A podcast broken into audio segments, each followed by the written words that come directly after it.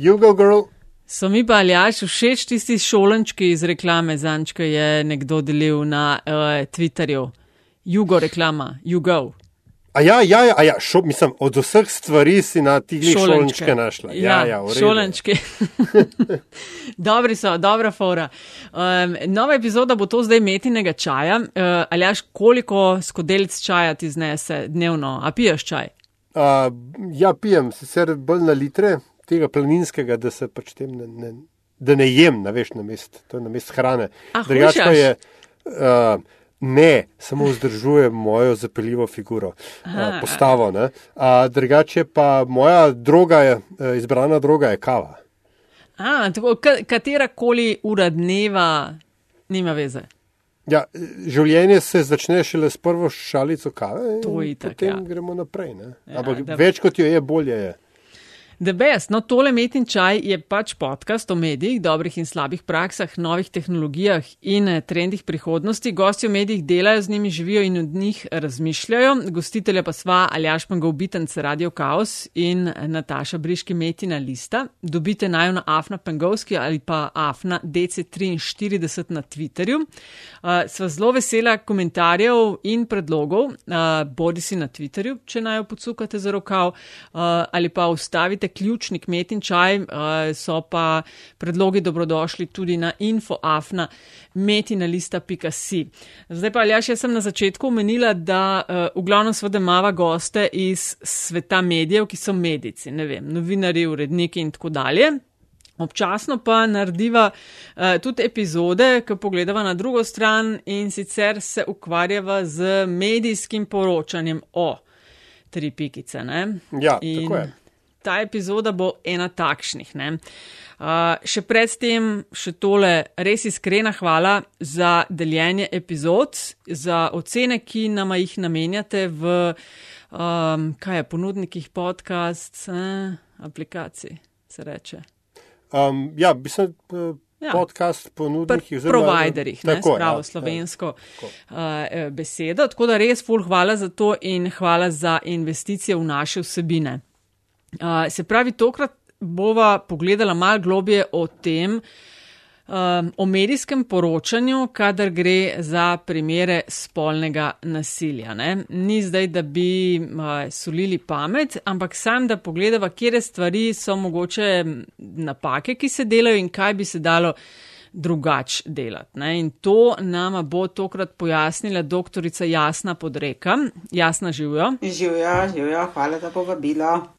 Nekaj, hvala, da si se odzvala. Um, in vem, filozofska fakulteta, ampak daj za tiste, ki te ne poznajo, uh, če čist na začetku ponovadi se gostje predstavijo in svojo medijsko kariero, medijsko biografijo delijo z nami. Uh, zdaj pa, če ti mal poveš, um, s čim se ukvarjaš. Uh, ja, lepo zdrav še enkrat, vsem skupaj v mojem imenu. Uh, ja, jaz prihajam z filozofske fakultete v Ljubljani, v bistvu sem tam zaposlena kot uh, asistentka in raziskovalka. Um, in zdaj, mogoče bolj zanimivo ta raziskovalni del za današnji večer. Uh, raziskovalno se v bistvu že zdaj bo kar enih uh, 15 let ukvarjam z problematiko nasilja, predvsem tega, ki ga doživljajo v večji meri ženske, to je nasilja v družini. Intimno-partnerskih umorov, ki so najpogostejši tipi umorov za ženske, tako v Sloveniji kot po svetu. Um, z problematiko spolnega nasilja in različnih oblik nasilja na podlagi spola. Um, Tako da to je nekako moj raziskovalni fokus, um, in seveda znotraj tega uh, se ukvarjam tudi z nač ustreznimi načini senzibilizacije družbe, kako približati te vsebine na pravi način, tudi z vprašanjem medijskega poročanja. In kot prostovoljka že vrsto let sodelujem tudi z društvom SOS Telefon, za katerega v glavnem tudi pišem izjave za javnost, skozi katere tudi vedno ob kakšnih dogodkih. Um, tudi hujših dogodkih nasilja poskušamo na pravi način predstaviti problematiko. Uh, Um, in tudi sodelujem pri uh, recimo, um, organizaciji kakšnih kampanj za senzibilizacijo pri društvu SOS Telefon. Jasno, tvoj dan Nima samo 24 ur, vidim. Ne, nima, ne. Bi še kakšna uh, ura zraven prav prišla. no, vse to, kar si omenjala, uh, medijsko poročanje, ne, to je nekaj, kar naj bo zalažem zelo zanimalo. V zadnjih tednih sta. Eh, bili um, zelo prisotni v medijih vsaj dve aferi. Ena je afera Pribac na fakulteti, iz katere prihajaš, druga je afera s polnim nadlegovanjem na AGRFT-ju. In s tem v zvezi, zdaj, ki si omenila medijsko poročanje, a to zgleda pretep kot raziskovalki tako, da uh, ne vem, z blokcem ali pa s kompjuterjem gledaš, kako ali pa spremljaš in si zapisuješ opaske, kako se o čem poroča, kaj so napake in tako dalje. Ja, lahko tudi tako, v glavnem pa je to spremljanje, no, um, olajša nam delo, seveda, ne, družbena omrežja, ne, socialna omrežja, kjer zelo hitro pridemo do različnih informacij. Um, in uh, potem uh, preko tega uh, sledim in uh, nadebudno spremljam, na kakšen način se zadeve uh, poročajo. Sveda tudi iz medijev in pol si, ja, tako kot si rekla, tudi ti, včasih tudi kakšne stvari zabeležim, izpostavim, um, kje so tiste ključne pomankljivosti. Um, in um, um, torej nekako sem pozorna na to, na kakšen način se sporočila pošiljajo v javnost, zlasti v teh osrednjih medijih. Um, in kar opažam je to, da se v glavnem pri ljudeh najbolj usede ta senzacionalistični vidik poročanja, ne? ker moram reči, da včasih zasledimo tudi zelo fajn in vsebinske tekste in um, intervjuje. Um, ampak te nekako tudi, ko gledam recimo, in spremljam preko socialnih omrežij, ne, kaj je tisto, kar se najbolj deli in kaj je tisto, kar se najbolj uh, uh, usede nekako pri ljudeh, uh, zelo redko zasledim to, da um, zelo širok spektr doseže nek zelo vsebinski recimo, intervju ali pa pogovor. Ne, in, In seveda, ne, nekako bolj, vedno bolj pade ta um, senzacionalistični vidik, kjer se izpostavlja primer, kjer se celo spolitizira primer. Um, in uh, tudi recimo v primerih umorov, ne, teh najhujših kaznjivih dejanj, ne, um, se zelo napačno, nači, na napačen način predstavlja, kaj se je dogajalo. Ne, izpostavlja imena in priimke žrtev, njihove zasebne stvari, ki niso tako pomembne pri teh, pri teh problematikah. Ravno pred dnevi se je na, na Twitterju zaokrožil ravno en tak komentar, ne, čež da a, ko izpostavljajo, kaj že, ne vem, zakonski spor je prerasel v, ne, ne vem, opračun, tako dalje, da se v bistvu nekako zanikuje žrtev, še posebej, kadar je ta žrtev e, ženska oziroma nekdo, ki je, ki ni moški, no tako. Kratka, da, da se nekako nezavedno v, v, pogosto najde nek obvod, da se ne bi z, stvari poimenovalo s pravim imenom. Ja, in kar je, ne, to si dobro izpostavil, kar je velik problem pri poročanju to vrstnih oblikah nasilja. Recimo, če pogledamo naprimer primer umorov, ki se zgodijo v nekem intimno-partnerskem kontekstu, jaz sem to raziskovala in um, dejansko moja študija sovpada tudi s študijami v tujini, kjer se pokaže, da v veliki večini, skoraj vseh primerih se ti umori nikoli ne zgodijo kar tako iznenada, ne, ali se strani nekega ljubečega, prej ljubečega partnerja, ampak da je tu bila prisotna zgodovina nasilja in da je dejansko ta je bil proces ne, predhodnega nasilja, ki je dolga leta trajal in je potem kulminiral v tem najhujšem kaznivem dejanju. Ne. In v medijih pogosto zasledimo takšno obliko poročanja in potem tudi komentarjih, da je šlo za umore iz strasti um, mm. ali da je preraslo oh, ja. z nekega konflikta ali je da ta oseba imel raptus. Potem recimo uh, um, intervjuvajo ne vem, znance ali pa sosede in vsi govorijo, kako je bil to sicer prijazen, moški, ljubeč ja. partner in tako dalje. Ne? Um, ko sem jaz recimo analizirala te sodne spise na sodiščih, se je izkazalo, da so sosedje, znanci v glavnem vedeli, kako problematičen je, ampak seveda v javnosti si tega ne upajo izpostaviti. Ne? In je popolnoma izuzeto iz konteksta in sedaj je sporočilo, bodi si, da lahko vsako razmerje se konča na tak način, ne? kar ni res, ne? ker nekdo, ki v nekem razmerju, kjer je bila prej prisotna, ki je bilo zdravo razmerje, in bila prej prisotna ljubezen, nek partner ne umori partnerko, zato ker se želi ločiti ali pa zato, ker ne vem, ne more videti otrok. Ne? Um, mm. Mori pa, vedno jaz rečem, nasilen partner ne? in ta lahko postane nevaren. Ne? In se beseda nasilje ne, iz vseh teh zgodb kar um, izgubi. Ne? Govori se o konfliktih in recimo v primerih spolnega nadlegovanja. Ne? Zelo hitro pridemo do nekega poročanja, kjer se ravno tako prerasporeja krivda. Češ, ne, vedno je, jaz tudi ko predavam, vedno rečem, zelo pogosto se v javnosti sprašujemo o tem, ja, zakaj pa ni rekla ne, ja, zakaj pa je bila tako oblečena, ja, zakaj je pa šla sama z njim nekam. Ne? In uh, umanka ta ne, obratno vprašanje, zakaj si je ta oseba to privoščila, ki je to naredila, zakaj je naredila. Ne? Ker Ne, in, in to zavedanje, da pač ljudje tudi v intimnih zadevah, ne, um, ne glede na to, v kakšnem razmerju smo in do katere točke pride neka situacija, imamo v vsakem trenutku pravico se premisliti. Ne, nihče nima pravico posegati v intimo, če si to nekdo ne želi. Ali v primerih, recimo, razmeri moči, kjer gre za bodi si profesorja ali pa ne vem, nadrejenega je ta oseba, ki je na poziciji moči, mora vedno imeti jasno postavljeno mejo, česa sme in česa ne sme.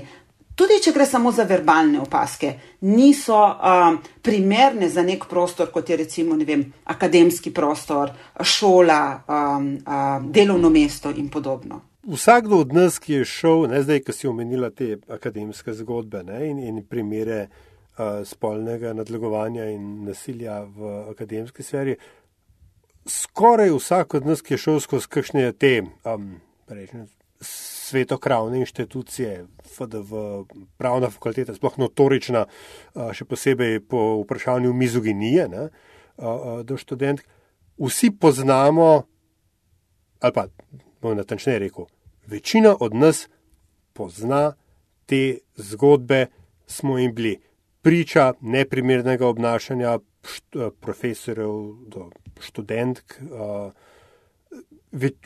V mojih časih se je to dogajalo celo tako javno, v predavalnici, ne, kot pač um, rahlo porogljivo, posmehljivo, um, pokroviteljsko držo. Ne, je, je, je, to, je to dobil. A je kako zelo pogosto ali pa kako zelo prisotno je to dan danes v akademski sferi?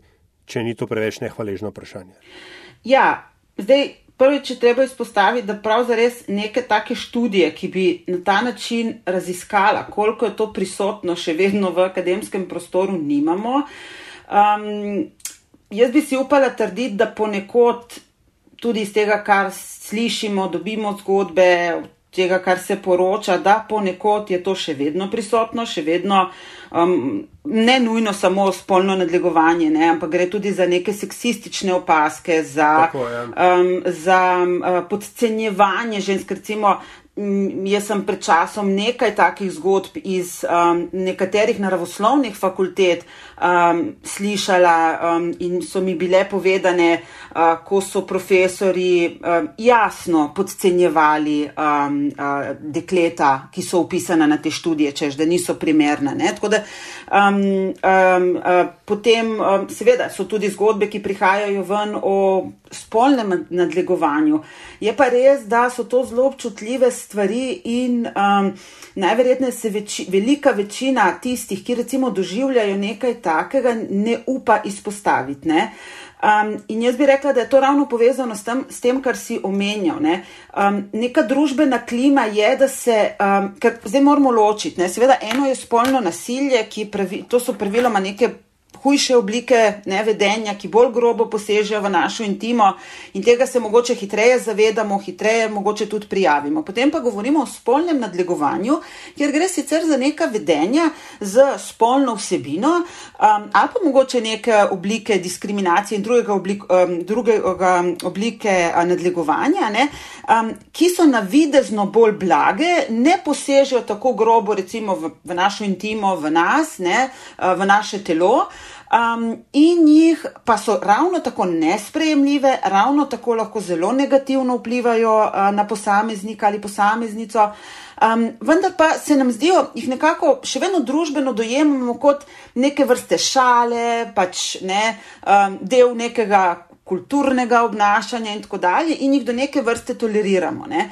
Um, in se ne odzivamo. Ne? Tudi, če vidimo, da ne vem, profesor, recimo, um, ne vem. Uh, Podcenjuje ali na nek način užali ne, um, uh, kolegico, uh, se ne bomo odzvali, ker bomo rekli, da ja, je pač on je pač tak. Ne. In ta on je pač tak, ne, um, je zelo pogost uh, izgovor za to, da ne reagiramo. Ne. Um, in uh, kar pa ni prav, ne, seveda. I, jaz si mislim, da smo v časih, uh, in to kažejo tudi te, da so se nekatere punce, ne vem, kot je igralka Mija, ki se je upala izpostaviti, ne, da živimo v časih, kjer smo vendarle naredili neke korake naprej, ne, da si nekdo upa v javnosti neko tako zgodbo povedati. Um, da pa še zdaleč od tega, da bi dosegli neko ne, tako imenovano ničelno toleranco od tega. Um, tako da je zelo pomemben način, kako se odzivamo na to in da javno uh, znamo tudi take stvari obsoditi, ko pa vidimo, da se nekaj takega dogaja, ne, um, da, zna, da, da znamo v tistem trenutku se postaviti za tisto osebo, ki je recimo neposredno, um, ne vem, bodi si žaljena, diskriminirana ali pa neprimerno naslovljena sa strani um, neke druge osebe. Ne. Kako se postaviti, jasna? Kako, ka, ne vem, na faksu o tem predavaš ali pa, ko si rekla, da si prostovoljka tudi pa SOS telefonu, kaj, kako rečete, kako svetujete kaj narediti v takih primerjih. Ker seveda, veš, si predstavljam študente in študentke, tam en renomiran profesor, zdaj govorimo o, o moškem, večinoma gre za moške, ne, uh, napade na takšen način, eno, ne vem, 19, 20, 25 let staro, ki, ne vem, dela pri njemu izpit in tako dalje. Kako naj drugi reagirajo v takih primerjih in kako naj mediji, kadar o teh stvarih poročajo, pišejo in poročajo. Ja, um, Jaz bi rekel, prvič reakcija se strani uh, oseb, ki so recimo priča, Seveda je zelo težko reagirati, odvisno v kakšnem razmerju smo. Ne? Zdaj, če gre za neke sovrstnike in za neka horizontalna razmerja, potem seveda lažje nastopimo na način, da osebi neposredno povemo, da to, kar počneš, ni ok. Mislim, in da se torej jasno postavimo a, proti nekemu vedenju a, pred to osebo. Seveda, če gre za razmerje zdaj a, nadrejeni del, na delovnem mestu ali študent, profesor, ne? a, seveda ta študent bo bolj zadržan in bo teže samo priča nekemu vedenju, bo težje reagiral. Ne? Zato, neposredno do tega profesora, verjetno z nekega strahu, ne? um, do tega, kaj se bo zgodilo. Tako da tukaj bi jaz svetovala in bi rekla. Pa poskušajte uh, uh, o tem obvestiti nadrejene na fakultetah. Namreč, in enako za tiste, ki to doživljajo, ki so recimo žrtve takšnih dejanj. Namreč, uh, mi imamo zelo visoko v našem pravnem redu postavljeno to um, ne, vrednoto avtonomije žrtve. Ne? In um, to je včasih zelo napačno razumljeno, zakaj ne institucija ne reagira ali pa zakaj nekdo ne reagira. Zato, ker brez prijav ne moramo narediti nič. Ne? Zato je tako pomembno, da se take stvari prijavijo, vsaj na znanje, vsaj da se izpostavi neka anonimna prijava ne? ali pa preko recimo študentskih anket, da se opozori na neka neprimerna neprimerna vedenja, ravnanja sa strani vem, dotičnega profesorja, dotične osebe. Um, v medijih pa je zelo pomembno, da se um, o tem ozavešča na nek. Um, širši, torej da se izpostavlja širši problem tega, ne? da se skozi zgodbe, ne? tako kot se je recimo vem, v, v določenih primerjih zgodilo, ko pridejo imena in prejimki ven, da se zaveda a, problematiko inst, instrumentalizacije in politizacije primera. Ker kaj se zgodi? V takem primeru se naredi senzacijo iz primera in se izgubi širina problema. Ne? Vsi se ukvarjamo samo s tisto, s tisto žrtvijo in s tistim povzročiteljem. In v takšnih primerih, in to kažejo tudi raziskave, ne, kar sem jaz brala in tudi ko sem analizirala določena pričevanja, kaže se to, da zelo hitro začne javnost simpatizirati s povzročiteljem. Uh, zaradi tega, ker ga dojema kot tistega, ki izgublja več, ne? in začne metati krivdo na, na, na žrtev, oziroma celo začne um, uh, uh, žrtev obsojati, da, je, vem, da se laže, da, da to, kar govori, išče pozornost, ali pa da se želi maščevati in da se to ni tako hudo, da želi uničiti življenje zdaj nekomu drugemu. Ne? Um, in um, zato je zelo pomembno, da v medijih se ne izpostavlja primerov posameznih, torej z imenom in preimkom, ampak da se večjo pozornost da na širino uh, in kompleksnost nekega problema. Torej, da se ga umešča v nek širši prostor, izpostavi njegov um, širši kon kontekst dogajanja um, in tako dalje. Nekako tako, kot je, sorry, ker te prekinjam, ampak nekako tako, kot je tudi uh, Mija, prijaviteljica, naredila, ker je, mislim, da v izjavah omenila, da ne želi imena, da je prijavila in tako dalje, ker če bi se ime povedalo, se kroži eno ime okolje, ampak da če bi se ime povedalo, potem so vsi, tako kot ti praviš, ne, skočijo na to in se pozabi, kaj je zares problem. In to je spolno nadlegovanje na fakultetah in nisem filozofska, to nisem AGRFT, ampak sem prepričana, da imajo povsod primere. Tako, tako, točno to. Ne. Meni se je zdelo to, na kakšen način je um, torej, migravka Mija uh, podala svojo zgodbo tisti pravi način. Ne omogočila je, da je z njeno zgodbo in to čestitke za vsa pogum, da je torej um, dala zgodbo v javnost, ki je sprožila potem val neke javne diskusije, premislekov in razmislekov, sočasno pa je onemogočila ravno to, ne, da se spolitizira njen primer s tem, ne, ko bi nekoga izpostavila po imenu in priimku, ker bi potem šlo za neko tolmačenje vojne med tema dvema osebama. Ne. In zelo hitro pridemo na to, da se ukvarjamo samo s primerom, ne, tako kot vidimo sedaj torej na filozofski fakulteti, ne, da se ukvarjamo samo s primerom in ne s problemom. Ne. Um, tako da to je zelo, mogoče samo še to bi jaz dodala, ne, ker zelo hitro pride tudi do tega, da. Um, Tega obsojanja, ne? torej tudi to, zakaj zaščititi integriteto vseh upletenih, tako povzročitelja, potencialnega povzročitelja, kot žrtev. Namreč mi se moramo zavedati, v javno, mi v javnosti in to mediji zelo radi počnejo, ne? to, to linčanje ne? oseb. Uh, Um, mi se moramo zavedati, da tudi tisti, ki je povzročitelj, ne glede na to, kako sprevrženo je njegovo dejanje, um, ima lahko nek družinski krok, ljudi, otroke, partnerko, ki za njegova dejanja niso odgovorni. In s tem, ko se na tak način izpostavlja osebe v javnosti, moramo vedeti, da sočasno izpostavljamo in um, tudi nekako uh, v to vlečemo vse tiste, ki so zraven njega. Tako da um, jaz bi iz tega vidika bila torej zelo previdna in tudi pri medijih, ne, me to izredno moti, da se na ta način išče na vsak način torej zgodbo, imena, preimke, um, do česar sem jaz precej kritična. No. A, to si, uh, no, tukaj gre za pač ta ne, senzacionalizem, ker eh, kot so z Natašo že ja, v osmih letih, pa že mislim, da več kot enkrat omenila. Ne, uh, se ne samo v Sloveniji, ne, ampak prodajajo se uh, krisov za in sperma. Ne, to, je, to, je, to je to, kar, kar m, pač zagotavlja cirkulacijo in uh, eyeballs, kot se reče z lepo slovenščino, klike in tako dalje. Ampak, recimo, da postavim, kaj se temu reče, tezo, pa jo boš povedala, je pravilna ali ne, da je tukaj še dodaten problem mehkosti slovenskega prostora. Ne samo zato, ker vsakdo pozna nekoga, ki pozna situacijo, ne, že zdaj mečkam karikiram, gre še za to, da ker so ljudje, ki so napadalci ali pa ljudje, ki pač so, so tako invazivno, invazivno nastopijo uh, v, v smislu spolnega nadlogovanja do žrtev in tako dalje, so pogosto, ne vedno, ne, ampak v sploh teh bolj razopitih primerih, že sicer javno izpostavljene osebe, ki imajo nekaj, da rečem, družbeno gled.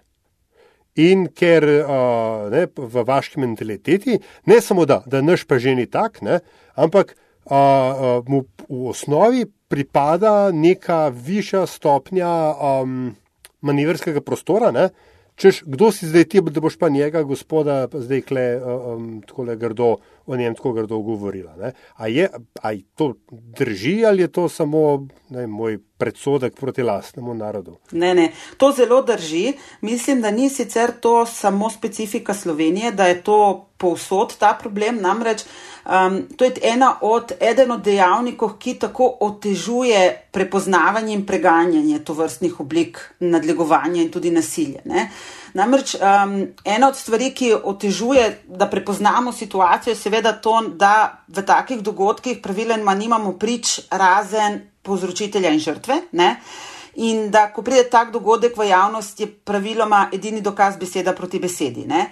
In uh, vedno sledimo dvem zgodbam, na eni strani zgodba žrtve in na drugi strani, torej, ki pač um, seveda uh, pove, kaj se je zgodilo, na drugi strani pa povzročitelja, ki se vedno sklicuje bodi si na konsens ali bodi si za nekaj in tako dalje. Ne?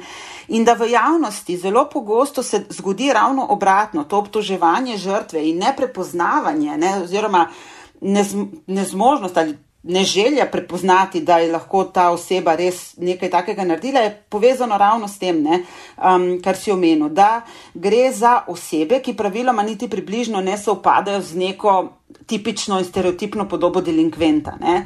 V teh osebah se znajdejo, tako kot se reče, praviloma neki ugledni posamezniki z določeno družbeno močjo, ki so zunaj um, v drugih kontekstih um, poznani na popolnoma drugačen način. Drugačen način in uh, tem osebam je tudi več dovoljeno, tako rekoč v navednicah v družbi, ne, se jim več tolerira oziroma um, se niti ne želi, ne, ko pride do neke take situacije, um, sprijazniti s tem, da je pa on nečesa takega uh, sposoben. Ne. In to je tisto, kar močno otežuje potem uh, tudi situacijo žrtev in bi rekla, da je tudi eden zelo pomembnih dejavnikov, če ne celo eden glavnih, eh, zakaj um, večina žrtev spolnega nadlegovanja in recimo ob, spolnih oblik nasilja sploh ne prijavi. Ne?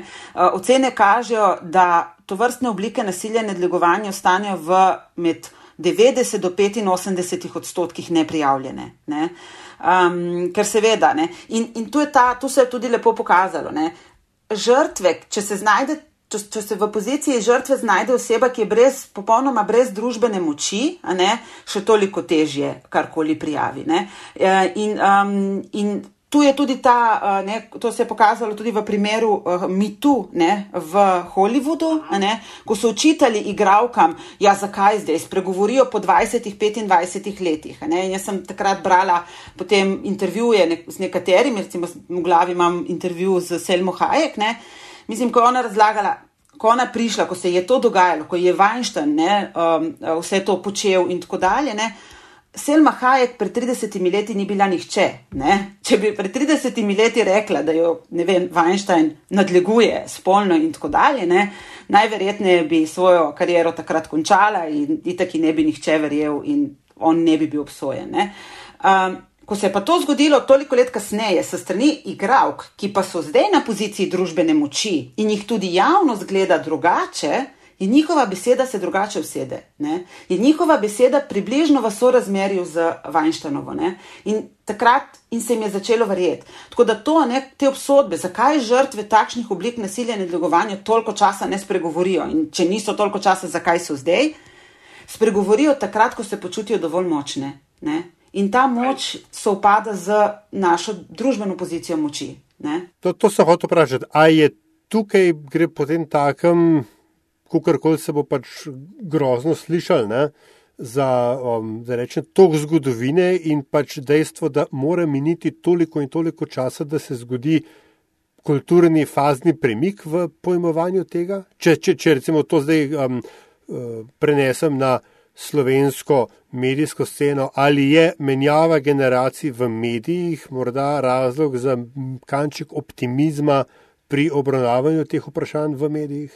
Ja, jaz bi rekla ne samo v medijih, jaz bi rekla tudi mogoče menjava generacij, mogoče tudi zgodovina ukvarjanja s temi problemi. Um, in definitivno smo naredili neke korake naprej k večji senzibilnosti. Uh, do teh vprašanj, to, da so javne razprave o tem, to, da obstajajo mediji, vem, tudi kot ste vi, naprimer, ki odpirajo na nek drugačen način to vrstno vprašanja. In tega je več, kot je bilo včasih, in tudi več je, bi rekla, te glasne strani proti takšnim oblikam nasilja in nadlegovanja. Um, tudi to, recimo, um, da uh, so takoj, recimo, institucije v tem času, tudi v akademskem polju, številne nastople proaktivno k reševanju problema, da so se nastople k temu, da se na sistemski ravni naslavlja. Ja, nekateri pravijo, je pozno, res je, ne.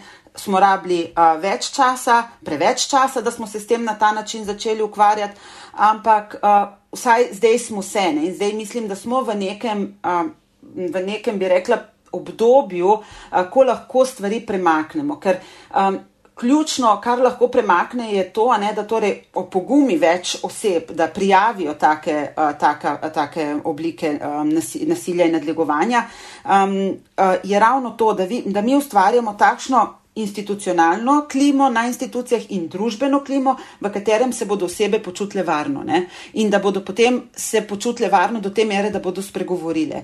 Ker, um, recimo, ko sem se jaz pogovarjala za primere, ne vem, uh, um, na instituciji, naprimer na fakulteti, ja, kaj lahko fakulteta naredi, nič ne more, dokler žrtev ne pristane v to, da poda prijavo. Um, do takrat ne more sprožiti postopkov.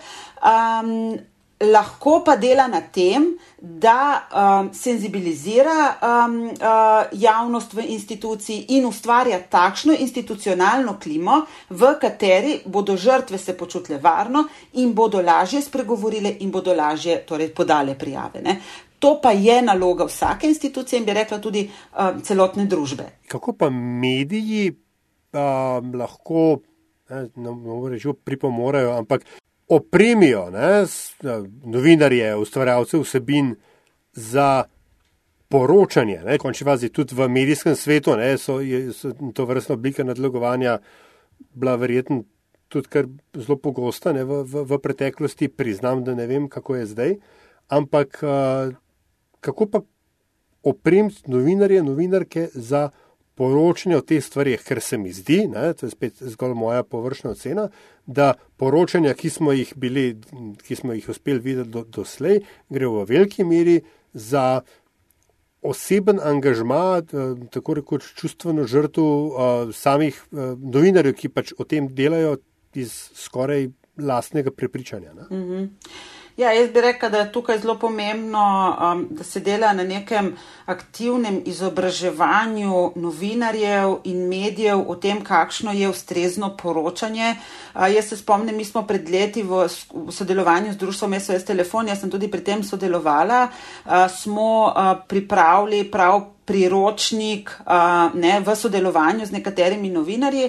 Um, priročnik, kako poročati v primeru nasilja v družini. Uh, um, in uh, dali, podali nekaj smernic na osnovi um, strokovnega in znanstvenega znanja. Um, uh, kaj je tisto, na kar bi morali mediji biti pozorni pri poročanju, kaj bi morali izpostavljati. Um, česa ne bi smeli, na kakšen način. Ne, recimo, tam smo, tako se spomnim, um, na nekaj, kar smo posebej pozorili, so fotografije, naprimer, ne, um, uh, ker te naredijo tudi uh, zelo pomemben vtis, um, ali pa ne vem, uh, točno to, ne, uh, do katere mere razgaliti upletene osebe. Uh, sploh recimo v primerih nasilja v družini, da se ne izpostavlja uh, z imeni in priimki, ker so otroci in tako dalje. Um, skratka, um, ta, teh izobraževanj za novinarje, ne, torej strokovno znanstvenih, ne, um, kako ustrezno poročati in kaj je tisto, kar je ustrezno, ki pošlje pravo sporočilo in tako dalje, tega mislim, da je premalo. V, v, v tem novinarskem svetu. Ne. Takrat, ko smo delali ta priročnik, ne, je bil glavni argument, da ja, je treba najti nek balans med tem, da se bo vendarle prodajalo, ne, to je potem. Ampak nekako skupno stališče je bilo, ne, da seveda je treba delati na tem bolj, um, um, bi rekli, temu vsebinsko ustreznem poročanju. Ne.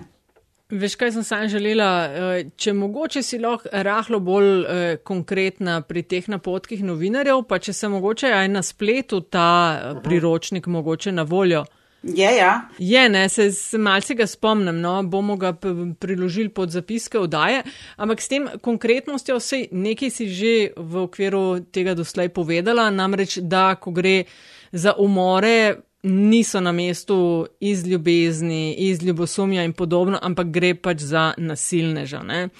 Uh, in verjetno takšno izražanje tudi. Ne. Drugo, postavljanje v kontekst v smislu, Ja, je ena oseba z imenom in priimkom, ne, ampak eh, osredotočati se verjetno gre tudi na to, na kar se zdaj recimo ob zadnjih aferah v akademiji in akademskem prostoru upozarja in sicer na odsotnost ustreznih mehanizmov, ne, da so študentje in študentke, da se počutijo varne prijavljati, ne, ker to so, tako kot ste omenila, prej že neki ugledni ljudje, ki imajo moč in seveda to vse skav zavira, sploh če nimaš na terenu, uh, a veš, mehanizmov in place, ne, na mestih tam, kjer morajo biti, da to lahko prijavijo, ne. A svetuješ mogoče tudi kdaj, ker smo že, a veš, nove tehnologije, pa to, ali pa če se svetuje, mogoče ne ti, če so to neki trendi, da se tudi, pač ne vem, s telefonom posnamejo zadeve, ne? pa pa se mogoče nisi, ker to direkt tam rečeš na licu mesta, ampak s posnetkom pa prkomu lahko kaj dokažeš. A je to nekaj? Ja, ja, seveda. To je eno od priporočil, sej a, mi na filozofski fakulteti tudi delamo zdaj na protokolu um, in um, notar bodo tudi podana določena priporočila, kako naj se, torej, žr, če, če, če oseba žrtev ali doživlja nekaj takega vede in na osnovi nekih uh, tudi mednarodnih, uh, primerljivo medna, primerljivih mednarodnih dokumentov um, so noter tudi ta priporočila. In eden od teh je zagotovo, ne, da si torej osebe, če gre za neka kontinuirana dejanja, ne, ki se pojav, ponavljajo, zagotovo, da si beležijo, kaj se dogaja, ker to je tudi ne na zadnje edini dokaz, ki ga poli imajo lahko tudi v postopkih, če gre potem tudi na sodišče in tako dalje. Ne.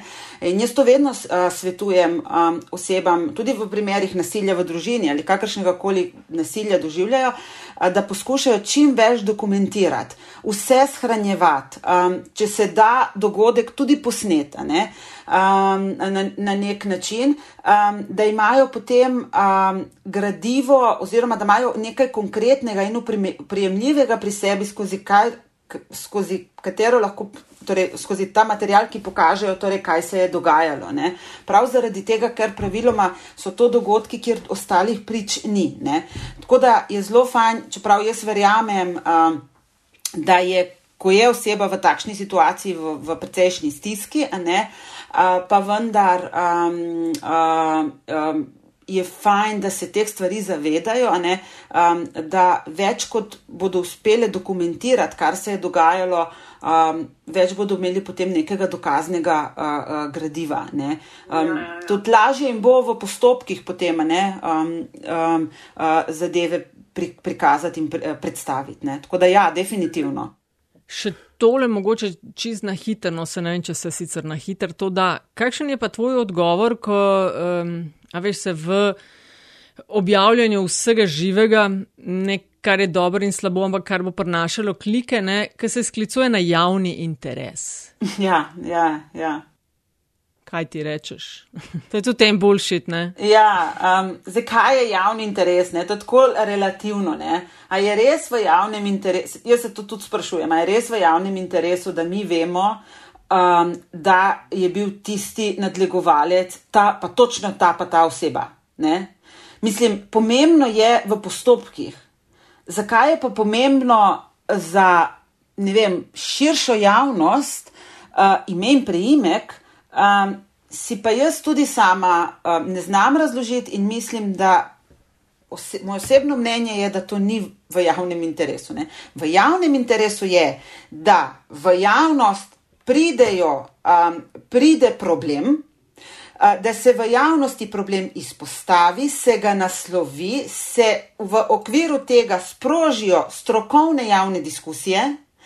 Um, in potem uh, tudi pokažejo pomankljivosti sistema um, v smeri izboljševanja, izpopolnjevanja ali celo vzpostavljanja sistema, če, če še tega ni, ne? torej sistemskih rešitev. Ne? In jaz mislim, da je to v javnem interesu. Um, vse ostalo pa potem žal zamegli problem ne, na tisti konkreten primer, na tisti konkreten, konkreten ime in preimek. Um, in se bojim, da se potem javnost ukvarja samo s tem. In zgodi se še to, ne, um, da javnost uh, zelo hitro um, skoncentrira problem samo na to in ne spregleda torej širino problema, ne, da je to razpršeno, da je to uh, ni samo filozofska fakulteta, kot si ti uh, sta vidva omenila na začetku, ni samo filozofska fakulteta, ampak da je to najverjetneje še marsikje. Ne, um, in um, da je to potrebno začeti reševati. Uh, na nekem širši bazi. Ne. Ampak a, a, je mo, a je možno vendarle, da so mislim, da je ustaljen termin medijsko-dnevni primeri, ne? pa vendarle tisto, kar sproži neke sistemske premike ali vzpostavljanje nekih protokolov. Ne? Brez, in da, če bi se seveda te primeri odvijali uh, zgolj uh, znotraj inštitucije same, ne? ne da bi se v javnosti omenjalo tega ali onega, ali to ali ono žrtvo, zdaj poskušam biti nečem hudičev odvetnik. Ne? Skratka, ali ni morda uh, utemeljeno reči, da se brez rahlo javnega pranja perila, ne, pač nič ne bi sistemsko spremenilo. Deloma bi se strinjala v smislu, da ne bi rekla čisto nič, je pa zagotovo ta medijski pritisk um, pomemben v tem smislu, da um, spodbudi oziroma um, ja, pritiska na način, da se torej dejansko zadeve uh, uh, premaknejo. Ne? Tako da medijski pritisk zagotovo odigra tudi pomembno vlogo pri teh uh, vzpostavljanju sistemskih mm. rešitev. Um, kar je problem, je tukaj, da se potem um, te medijsko-dnevni primeri ravno to um, na neustrezen način uh, potem predstavljajo mm -hmm. um, in da uh, se potem uh, um, preveč zasedejo javnost no, v tem smislu. Ja, ja, ja razumem, seveda, da potem se pa fokus seveda nazaj ustaljene tirnice vrne ne, in je potem žrtev na končni fazi še vedno ostane sama, potem ko, ko ni več medijsko zanimiva. Ne. Ja, se to ne. Um, zagotovo pa jaz uh, si upam trditi, da je gibanje mi tu ne, in te zgodbe, tudi ki so zdaj prišle v okviru uh, kampanje Nisi sama ali nisem tražila, ne, zagotovo zelo pomembno pripomogle k uh, spremembam, uh, k tudi premikom, uh, ki bodo prišli na sistemski ravni. Mm. Je pa to zelo pomembno pomembno, ne, na kakšen način um, se, ta, se te zgodbe torej podajo tudi v javnost. Torej, kakšen pristop bodo tudi vem, oseba, ki se bo izpostavila, uh, uh, torej, sprijela. Tu je pa zelo pomembno tudi, kakšen bi si jaz upala reči. Uh, background ima v smislu svetovanja. Um, ker um, ne tako kot je um, igralka Mija uh, naredila, je zelo dobro premišljen in dober način, kako nastopiti, torej, da, uh, se tudi, da se tudi sebe zaščiti. Um, ker pazmo, javnost je do žrtev uh, izredno surova. Ko beremo komentarje ne, oseb, ki so se izpostavljene, um, je včasih res tako um, precej grozljivo. No. Zmokuje nam časa, ampak vendarle eno stvar pa vendarle moraš vprašati, ker se je tudi omenila ne, in v bistvu in gre tudi ven iz teh akademsko, medijsko, ne morem reči tudi političnih krogov v končni fazi. Uh, ko so se te razprave, ne, ko je, ko je ta, ta, ta tema postala zdaj spet vroča, ne, z, nimam boljšega izraza ta hip, sem bil jaz. Uh, presenečen, šokiran in žalosten, ko sem bral pogovore med uporabnicami družbenih omrežij, ki so si izmenjevali izkušnje, čist pač javno, ne gor na mrežah, o tem, kaj vse se je njim dogajalo in se v končni do neke mere tudi pač še dogaja.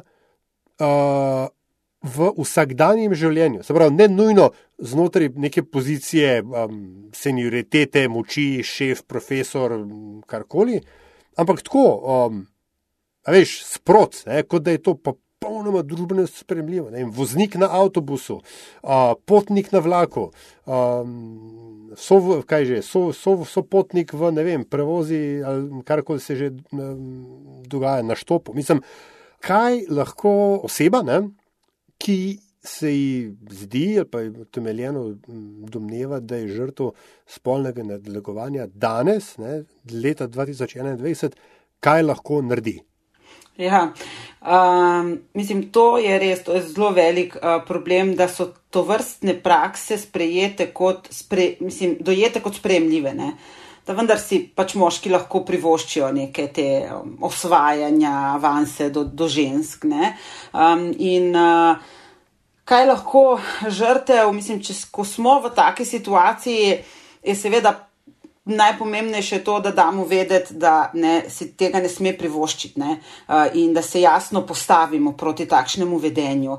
Uh, nismo pa vsi na enak način narejeni. Ne? In to je tisto, mhm. kar, um, to, ko sem jaz brala, tudi se strani določenih, recimo, žensk z družbeno močjo, tudi iz akademske sfere, ne, ki so obtoževali te punce, češ, ja, se, zakaj se pa ni uprla, ne, se, se bi lahko, se, se je odrasla oseba. Mi se moramo zavedati, da ljudje zelo različno delujemo. Eni smo močnejši, drugi manj močni, različno te situacije na nas vplivajo in lahko nekdo, ne, ne vem, punca, ki je na prevozih pikanet um, in uh, se vozi v Ljubljano z neznanim moškim ne, um, in ne vem, da roko na koleno, otrpni strahu. Ne vem, jaz bi mogoče ga mahnila, ne, ne vem, ne, nekdo pa otrpni strahu. Tako da ljudje zelo različno reagiramo. Ne, in nikoli, in jaz bi to še enkrat postavila vprašanje. Ne, torej, Seveda se je potrebno postaviti v situaciji, ne? ampak um, bolj pomembno je to, da začnemo o teh stvareh govoriti. Torej, da ni sprejemljivo niti neko osvajanje ali pa ne vem, uh, verbalne opaske na seksualni ravni ali pa na spolni ravni. Um, če, uh, vidi, če, če, če drugega postavimo v neprijeten položaj, sploh pa če ne vem, osebe ne poznamo, ne, uh, um, uh, da je vse to nesprejemljivo. Ne? In uh, da ni vprašanje, zakaj in kako je tista oseba, ki se je to zgodilo, reagirala, ampak da je vedno vprašanje, zakaj si ta oseba to dovoli.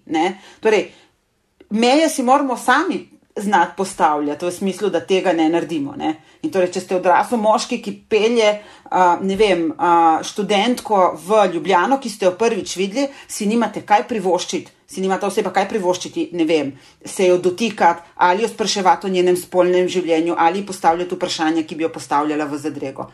Vse to je nespremljivo. Ne?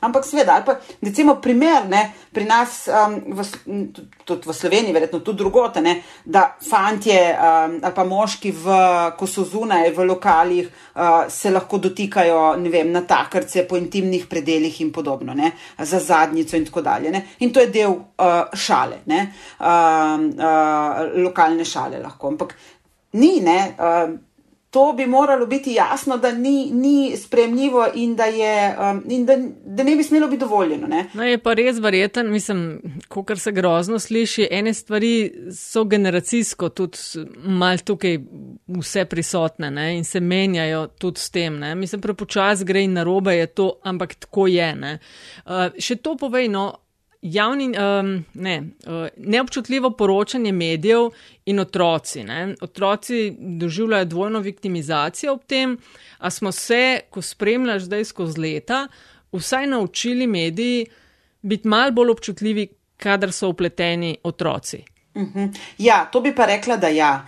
Uh, mislim, da je bilo nekaj v preteklosti zelo odmevnih primerov, um, kjer se je zelo jasno iz, izpostavljalo otroke in da takrat je bilo tudi nekaj ostrih odzivov do medijev. Um, in um, da je potem imelo to kar precejšen vpliv, uh, da zdaj, ko jaz spremljam, uh, moram reči, da um, in to je pomemben korak, uh, da pri poročanju uh, primerov, ko so upleteni otroci, uh, se vendarle na to zelo pazi. Ne? Tudi tam, kjer niso neposredne žrtve, recimo tudi spremljam v primeru teh umorov um, in podobno, um, da se poskuša čim bolj uh, zaščititi um, uh, otroke in njihove identitete.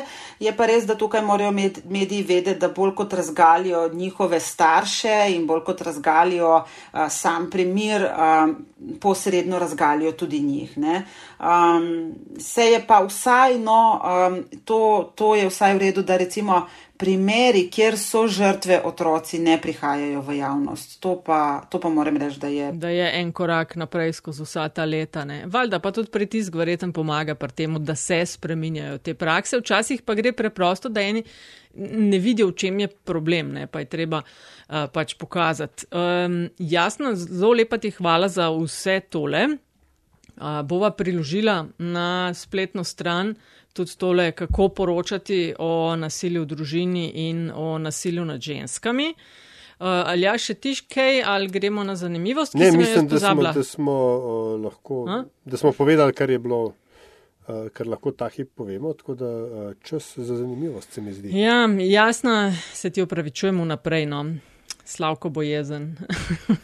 um, pač del metinega čaja je vedno, da gostje eh, enako vprašanje dobijo in sicer, da z nami delijo kakšno zanimivost, to je lahko zgodba, priporočilo, eh, karkoli, res, povsem odvisno od gostov, ampak jaz sem tebi to pozabila povedati, tako da če si se vmes česa spomnila, super sicer pa. Um, lej, mogoče, mogoče sam to, no, res uh, dogodek izpred uh, dveh dni, uh, dni, dva dni nazaj. No, uh, sem imela predavanje za, na, na eni od gimnazij, sicer preko Zuma, uh, ravno o spolnem nasilju in. Uh, od, od, odnosu družbe do tega pojava. In je bilo eno vprašanje, katere so bolj blage oblike spolnega nasilja. katere so tiste najbolj blage oblike spolnega nasilja. Um, sicer verjetno je bilo nedožno vprašanje, ne? uh, ampak uh, bi jaz rekla, da je zelo težko kategorizirati. Lahko jih kazensko klasificiramo med hujše in bolj blage oblike, ampak včasih so lahko že zelo navidezno nedolžne oblike nasilja in nadlegovanja za nekoga lahko, zelo, zelo, lahko pustijo zelo traumatične posledice. Tako da ne, zelo stereotipno je razumeti, da če pa ne pride do posilstva, ne, da vendarle ni bilo tako hudo. Um, tudi ponavljajoča se spolna nad, spolno nadlegovanje, ne, kjer neka oseba konstantno drugo osebo spravlja v neko zadrego, neprijeten položaj, podrejen položaj in podobno, pa lahko samo na osnovi nekih verbalnih uh, opask in uh, torej dejanj.